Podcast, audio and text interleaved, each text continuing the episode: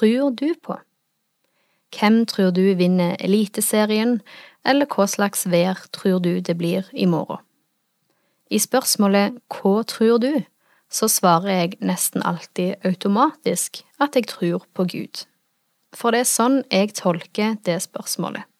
At tru, det dreier seg om hva jeg djupest sett tror er den store sannheten. Men når jeg tenker meg om, så er det mange andre ting her i verden jeg òg tror på. For eksempel så tror jeg at vi skal ha pinnekjøtt til jul i år òg. Det å tru kan forekomme i mange forskjellige former, og rundt omkring er det stadig folk som ber oss om å tru. Du må tru på meg og min politikk, for den er den beste for deg. Eller du, bare tru at vi vinner, så går det bra. At andre sier vi må tru, nesten som en befaling, forekommer ofte.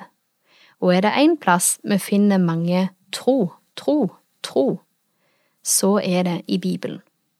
Denne uka deler jeg noen tanker rundt noen av imperativene vi finner i Bibelen.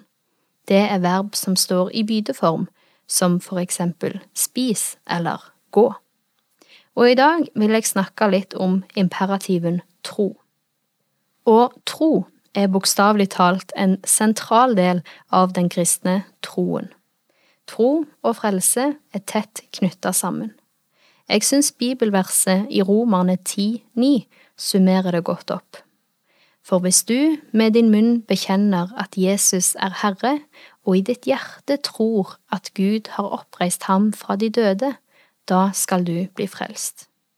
Når Bibelen sier vi skal tro, betyr ikke det at vi skal vite noe helt sikkert først at vi skal gjøre bakgrunnssjekk og foreta masse tester for å vitenskapelig bevise at dette er noe vi kan tro på.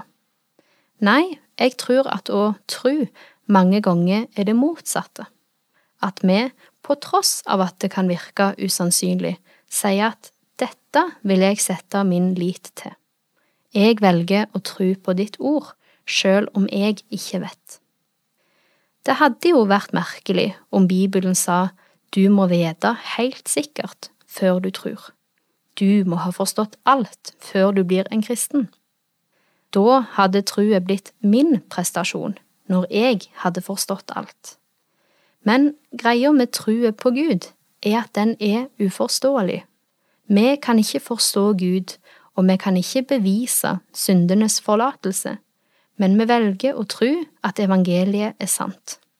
Istedenfor å hvile på vår forståelse, handler den kristne trua om å hvile i at Gud forstår, at Han har en plan bak alt, og at Hans ord til oss er sant. Når jeg tror på noen, så gir jeg den personen min tillit. Jeg tror at det han sier er sant, og at jeg kan stole på løftene som denne personen gir. Og for den som velger å ha sin tillit til Gud, så venter det mange sannheter og mange løfter.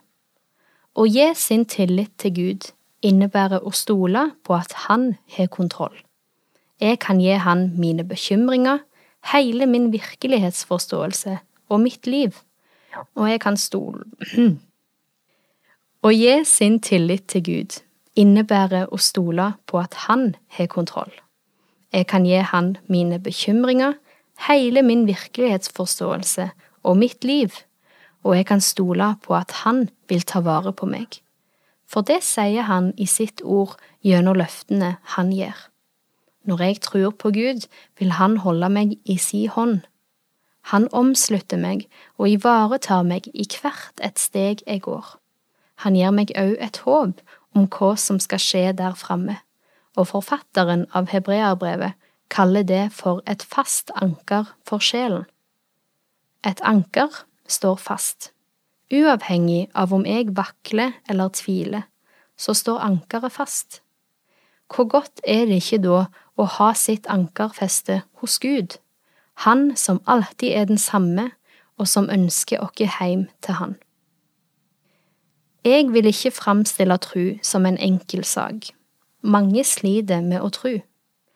Jesus kan si tro på meg, og jeg kan ville det sterkt, men føle at jeg ikke får det til. Og noen sliter med at de har ei tru, men at han er så liten, og de ønsker han skulle være større og mer solid. Det er ingen enkle svar her, men en forkynner jeg en gang hørte, sa noe ganske lurt. Han sa ha tru på Gud, heller enn å ha tru på de egen tru.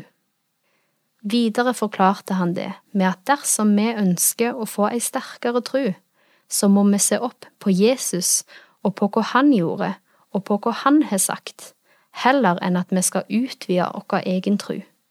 For vår tru er på Gud, og ikke på oss sjøl. Å ha tru på Gud kan føre til store endringer i livet ditt. Det kan mange bibelske personer vise deg. I Hebreabrevet kapittel 11 lister forfatteren opp mange personer ifra Det gamle testamentet og forteller om deres tro på Gud. Les gjerne kapittelet etterpå. Nå leser jeg litt ifra vers 1.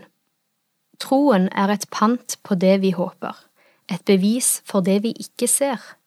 For sin tro fikk de gamle godt vitnesbyrd. I tro forstår vi at verden er skapt ved Guds ord, og at det vi ser, har sitt opphav i det usynlige. I versene som kommer, kan vi lese om Abraham, Moses og flere andre som alle trodde på Gud. I seg sjøl var de normale mennesker, men Gud utretta store ting gjennom dem. Og hele tida var Gud med dem og bevarte dem. Det kan vi stole på at Han vil være med oss som tror på Han, òg i dag. Jeg ber til slutt. Kjære Far, Takk for at du bevarer oss som tror på deg, og at vi får ha vår tillit hos deg heller enn til oss sjøl. Takk for at du bruker imperativ når du sier La ikke hjertet bli grepet av angst. Tro på Gud og tro på meg. Fyll meg og mi tru mer og mer med deg, Jesus. Amen. Du har nå hørt en andakt i serien Over en åpen bibel.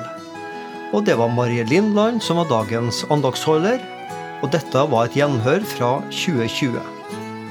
Over en åpen bibel det produseres av Norea Mediemisjon. Og alle våre podkaster og andakter det finner du på hjemmesiden styrkdintro.no.